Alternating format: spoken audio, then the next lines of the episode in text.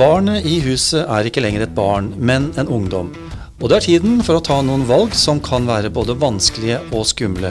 Også for deg som er voksen, som vil at ungdommen velger rett.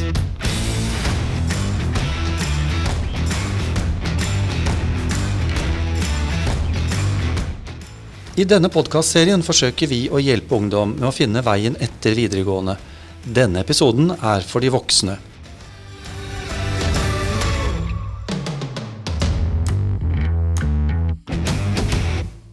Ja, hei og velkommen til denne bonusepisoden vår for de voksne. Jeg heter Jan Henrik Kullberg og jobber i kommunikasjonsavdelingen på USN. Med meg har jeg Anne Holm Nordhagen, som har jobbet ti år som lærer og rådgiver i videregående, og har master i karriereveiledning. Nå jobber Anne på USN med å utdanne andre karriereveiledere. Og Anne, som voksne er vi vant til å være de som bestemmer og tar avgjørelser. Men det må vi kanskje prøve å gi litt slipp på nå, eller? Ja, Hvis ikke du har gjort det før, så tror jeg i hvert fall at dette her er en god anledning til å øve på å begynne å gi litt slipp. Fordi det er viktig å huske på at det studievalget som ungdommen din står foran nå, det er ungdommens og ikke ditt. Men skal vi ikke bry oss da, eller? Vi skal absolutt bry oss, og din mening og dine eh, på en måte bidrag teller masse. Eh, både det du sier helt konkret, og de tingene som du eh, antyder mer sånn indirekte. Uh, og du har allerede bidratt med masse, antageligvis. For dette her med å lære barn og ungdom om karriere, eller gi innspill til karrierevalg, det foregår kanskje egentlig hele tiden, selv om vi ikke er så bevisst på det. Fordi du er en rollemodell som voksen, både på godt og vondt. Og det grunnlaget for valg av utdanning og arbeid det legges ikke nødvendigvis bare nå i innspurten, men opp gjennom hele oppveksten. Vi snakker mye om videregående, og det er jo det som vi har snakket om egentlig i denne serien vår. Men uh, mange ungdommer vil jo kjenne på et sterkt press også i 10. klasse på ungdomsskolen, og, foreldre også for den saks skyld. Ja, absolutt. Og det, ja, det ligger ikke noe mindre press på den overgangen der antageligvis mellom ungdomsskole og videregående. Eh, den er kanskje litt mer selvsagt, fordi at de aller fleste skal på videregående. Så man slipper på en måte den første, første valg, eh, der. Men, men, det er ikke noe lettere nødvendigvis å være foreldre da. Eh, det ligger kanskje til og med mer press på foreldre, fordi at når du har en ungdom som går fra ungdomsskole til videregående, så har du fortsatt kanskje litt mer stemmerett over barnet ditt. Og har litt mer, mer du skulle sagt. Og i det ligger kanskje også et enda større ansvar. Fordi stemmen din høres enda bedre. Og så er det sånn at Da jeg husker da jeg skulle velge videregående, så var det, liksom, det var handelsgym, eller så var det, ja, det var Røros eller Blåruss. da. Det var, det var, veldig enkelt. Ja. Nå er det jo veldig mange linjer og studiespesialiseringer. Og du kan jo få litt følelsen av at, uh, at du der også legger et løp for resten av livet ja. i valget av videregående. Ja, og det har vi jo snakket om før, at her, disse studievalgene får veldig stor oppmerksomhet. Det blir en slags sånn mile, noen milepæler i skolegangen og, og som en sånne, sånne liksom betydningsfulle overganger mellom ungdomsskole og videregående, videregående og høyere studier eventuelt. Uh, og det er veldig mange flere muligheter nå uh, enn når du selv var ung. Uh, mulighetene er flere, de er mer fleksible, løsningene er annerledes, og arbeidslivet, som du kanskje selv er en del av, er mer hva skal jeg si, uforutsigbart. Det er, ikke, det er ikke sånn at du må forvente av deg sjøl at du skal ha kontroll på alt det. Og så er jo, som du sier, verden veldig annerledes nå enn da du og jeg skulle ta dette valget. Og jeg vel kjent litt på at det er lett å føle seg både irrelevant og utdatert eh, når man skal prøve å være en støttende voksen nå. Ja, og det er vi kanskje litt òg. Vi er kanskje litt utdaterte. Fordi jeg tror at ungdommen nå har mye mer kontroll på og lar seg lettere orientere i den jungelen eh, av muligheter som fins. Eh, men det som er bra, er at det fins veldig mange gode kilder til informasjon. Eh, og jeg tenker at kanskje du skal sette deg ned sammen med ungdommen din, og la ungdommen din eh, ta deg med på en sånn guida tur på nett og se hva er det som fins her, og hvilke muligheter er det vi kan få øye på. Uh, og, og, det er ikke sikkert at du skal føle at du må sitte med informasjonen sjøl, men at du kan være en sånn god sånn utforskningspartner, da, eller være med å lete, være med å orientere deg i alle disse mulighetene som fins. Og det, og det, der med å være en sparringspartner, da, mer enn å være en sånn informasjonssentral og fasit, det tror jeg er veldig viktig å huske på i den perioden her. Så, så, det du sier at det beste vi kan gjøre for ungdommen, det er egentlig å være, sånn, være til stede, da? Eller? Mm. Ikke nødvendigvis ha alle svarene? Nei, jeg tror ikke vi skal tenke at vi skal ha så mange svar. Vi skal være en, en god sparingspartner fordi vi kjenner barnet vårt godt. Eller i hvert fall så vil jeg tro at de aller, aller fleste opplever å kjenne barnet sitt godt. Og vi har antageligvis mye å bidra med i en sånn utforskning da, av hva, hvem er du, og hvilke muligheter er det du står foran nå. Eh, så det der med å være til stede, være lydhør, være nysgjerrig, eh, støtte de valg som ungdommene tar, og kanskje du også må liksom innstille deg på å støtte valg som må tas på nytt. fordi at noen ganger så velger man kanskje feil i første runde, og så må man ta flere valg. Og det ligger veldig mye læring i det, så det at liksom man ikke skal være så redd for å, å trå feil. da, Støtte opp under litt når ting er litt sånn kaotisk og usikkert. og sånn. Uh, og så tenker jeg at en annen, en annen, ting man kan bidra med som voksen, er, er, å bidra med på en måte ja, egne erfaringer. Men kanskje du kjenner noen som barnet ditt kunne hatt nytte av å snakke med. F.eks. bruke ditt nettverk da, for å få mer info, for å, for å orientere seg bedre i den, uh, ja, det relativt store havet av muligheter som, som er her. Det der med ambisjoner da, på vegne av ungdommen. Ja, det er en skummel Det er en eh, skummel greie. Det er viktig at det er barnet som velger, eh, og at barnet ikke skal oppfylle drømmer som du har hatt eller har. og det er også viktig å huske på at um, hvis vi setter for høye ambisjoner for barna våre, så er det noe med å huske på at det er barna eller ungdommen da, som, skal, som skal stå i konsekvensen av det valget etterpå. Det er de som bærer konsekvensene, ikke vi. Sånn at uh, det å liksom ikke, ikke være for ambisiøs og lytte når, når, ungdommen trekker litt i bremsen, på en måte, det tror jeg er veldig lurt.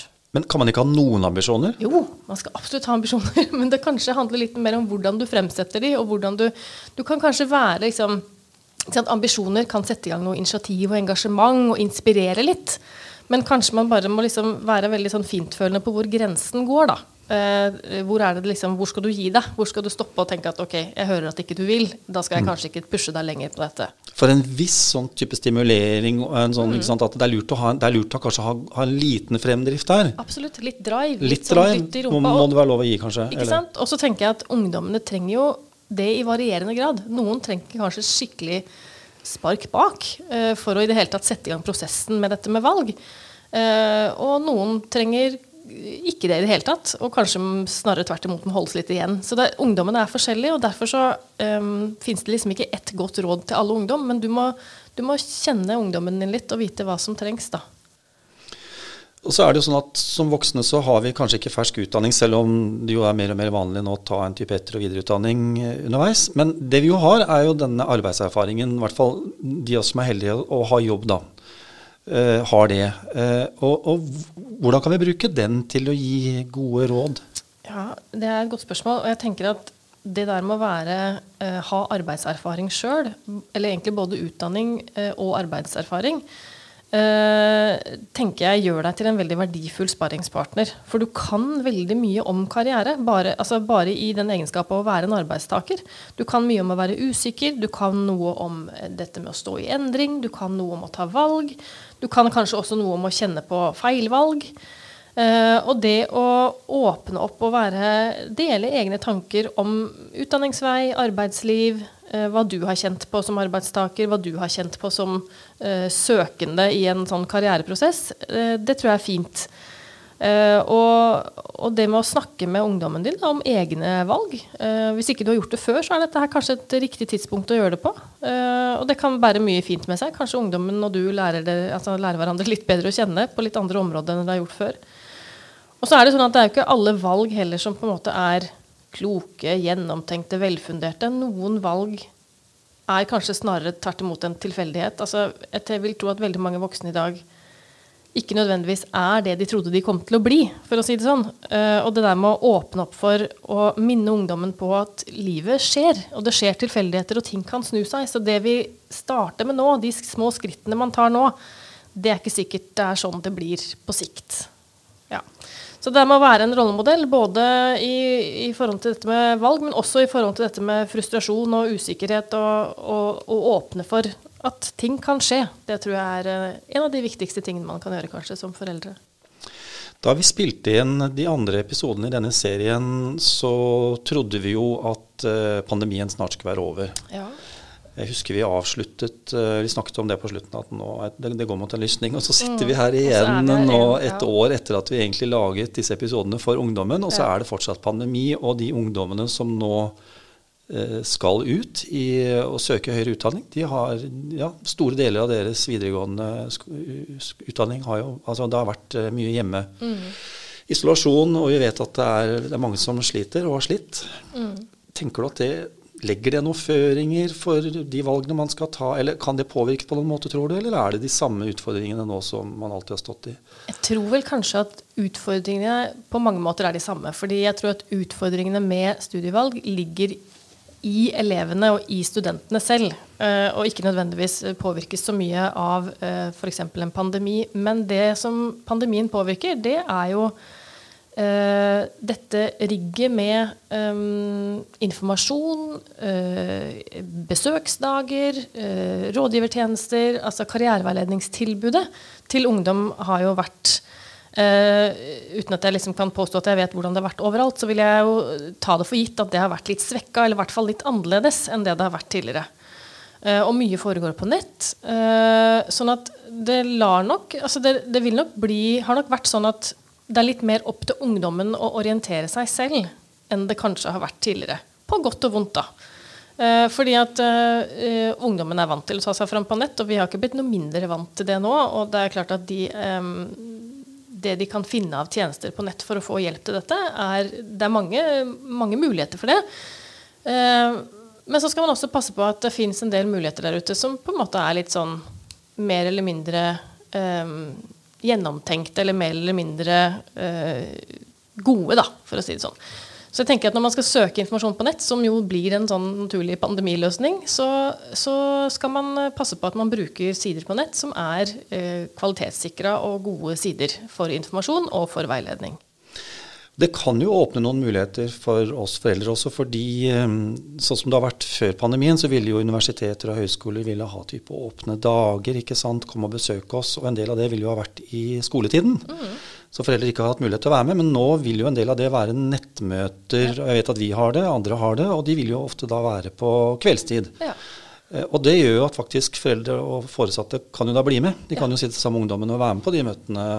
Er det lurt, tenker du? I hvert fall tilby seg det? Ja, det å være med på å motta informasjon. Sånn at man kan også være med på i den der eh, prosessen hvor man fordøyer den informasjonen og, og reflekterer over den og, og, tenker på hva er det av denne informasjonen her som var relevant for meg? Hva lærte jeg av dette? Hvilken ny innsikt fikk jeg? Osv. Det tror jeg er et kjempeverdifullt bidrag. Eh, og det tenker jeg både når man deltar på sånne organiserte informasjonsmøter, men også når man har tatt en sveip igjennom og kikka litt på muligheter. Sånn, så at man ikke bare sitter på nett, men at man også setter seg bort eh, fra skjermen etterpå og snakker sammen og bruker tid på å reflektere over hva er det vi akkurat nå har kikka på. Hva, eh, hvordan kjentes det? Hva gjorde det med meg? Hva tenker du etter at du har sett på dette? Og så, videre, og så, så det med å legge til den tiden hvor man også drodler litt sammen om hva er det vi nå har sett på, det tror jeg er vesentlig. Og der kan de voksne bidra. Ja, det var det vi hadde i denne episoden, som altså er en bonusepisode for foreldre og foresatte. Og I dag har vi altså snakket om hvordan du som voksen best kan støtte ungdommen i huset som skal velge veien etter videregående. Og så tok vi også en liten slenger innom etter ungdomsskolen, fordi det er jo noen av de samme utfordringene. Eh, skal vi som vanlig ta en kort oppsummering, Anne? Ja, det kan vi gjøre. Eh, for å liksom si litt kort um, hva på en måte hovedbudskapet vårt kanskje har vært da, i denne lille episoden, så vil det være det å være til stede for ungdommen sin. Være oppmerksom på at dette her eh, er en periode man går gjennom hvor man, eh, hvor man kanskje trenger litt sånn sparring og litt eh, gode råd og litt veiledning. Være nysgjerrig, være en sånn, hva skal jeg kalle det, deltakende medutforsker. Sette deg ned sammen med ungdommen din. Utforske muligheter, drøfte muligheter, reflektere over muligheter. Uh, og ikke føl at du er nødt til å sitte med fasiten. fordi fasiten er det faktisk veldig få av oss som har, og, og oversikten er det også få av oss som har. Uh, så, så, vær med. Uh, det er det beste rådet jeg kan gi. Heng deg på, og vær med, og vær, vær den sparringspartneren som ungdommen din trenger. Og lykke til med det. Ja, lykke til. Eh, så bra. Du har hørt podkasten 'Hva skal jeg bli, og hvordan skal jeg bli det?' fra Universitetet i Sørøst-Norge. Med Anne Holm Nordhagen og Jan Henrik Kullberg. Musikken var laget av Guillaume med lisens fra Premium Beat.